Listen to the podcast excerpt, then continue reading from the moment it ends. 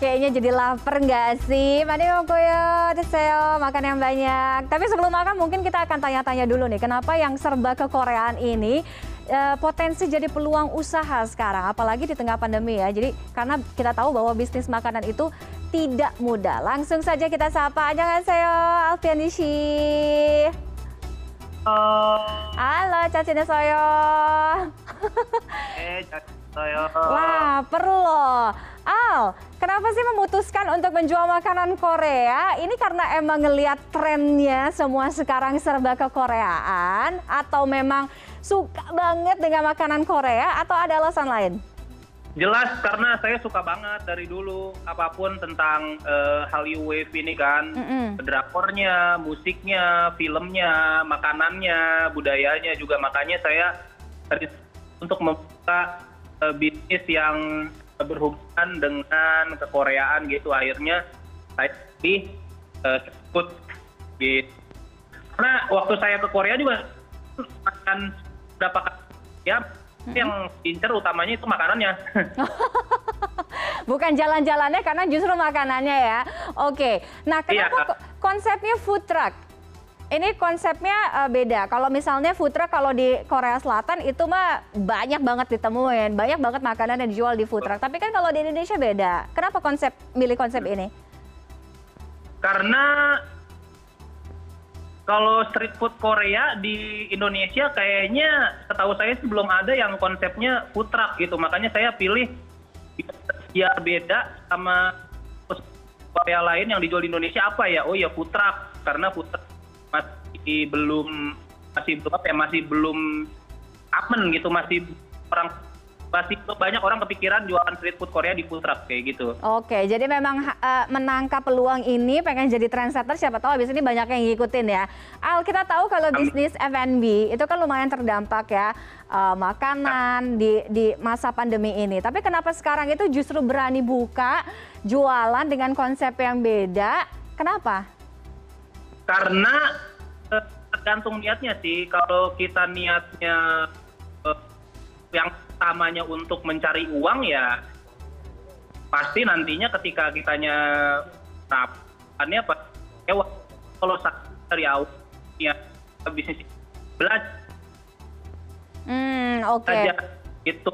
Jadi saya modal aja gitu dengan konsep yang unik dan ya ya tidak mayoritas orang kepikiran seperti ini ya saya pede aja gitu sekalian belajar Jadi jualan konsep sekaligus jualan makanan intinya ya.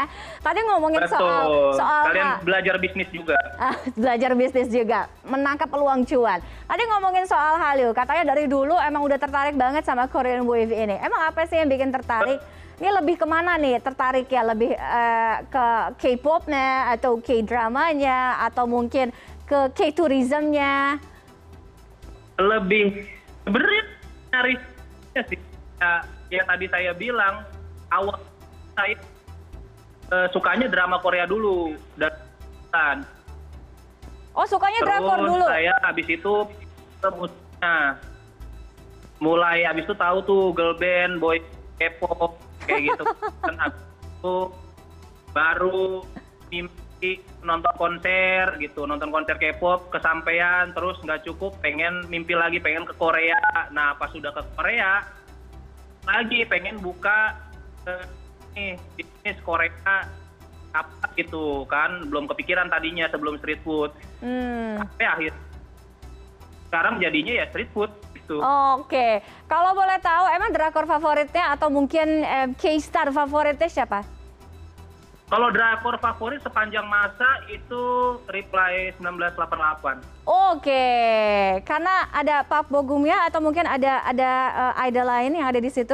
Dong, kalau saya kan cowok jadi lebih ke Hyeri. Oh. eh, ah, Ya, tapi ya di luar itu memang lebih ke ceritanya bener-bener eh, enak banget dan bikin fun gitu. Oke, Al eh, di 2017 kalau saya nggak salah ya, Al sama salah satu rekannya namanya Tiffany juga bukan saya pastinya pernah eh, menjuarai K-pop World Oh iya, Festival. Tiffany juga namanya. Iya, saya eh, Tiffany bisa dijadiin partner nanti kalau mau mungkin iniin lagi apa lomba Boleh, boleh. lagi, iya kan? Ka- Waktu itu boleh diceritain nggak sih dan seberapa besar sih pengaruh Hallyu ini buat buat buat kamu?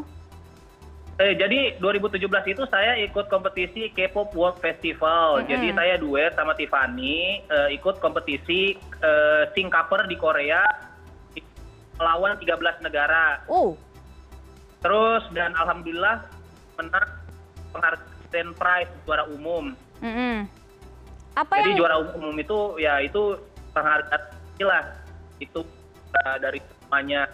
apa yang membuat Nah. kamu menang waktu itu? Apa? Yang membuat kamu menang apa? Karena apa? Buat saya menang menurut saya sih karena waktu itu saya sama Tiffany itu satu-satunya eh, yang nyanyi ada rap Oh, gimana? Eh, bis- Bisa dicontohin nggak? Hah? Udah lupa ya, udah empat tahun yang lalu ya.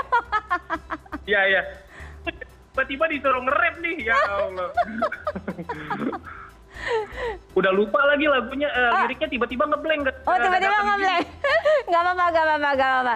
Yang penting waktu itu udah pernah pernah apa pernah menjuarai salah satu apa festival, kemudian eh, bersaing dengan 13 negara itu cukup membuktikan bahwa pengaruh hal ini besar banget ya buat buat Alfiandi. Pulang-pulang juga followernya naiknya drastis. Uh, berarti saya mungkin bisa rekrut saya nanti kalau mau ikut festival lagi, ya kan sama-sama Tiffany. Eh, juga.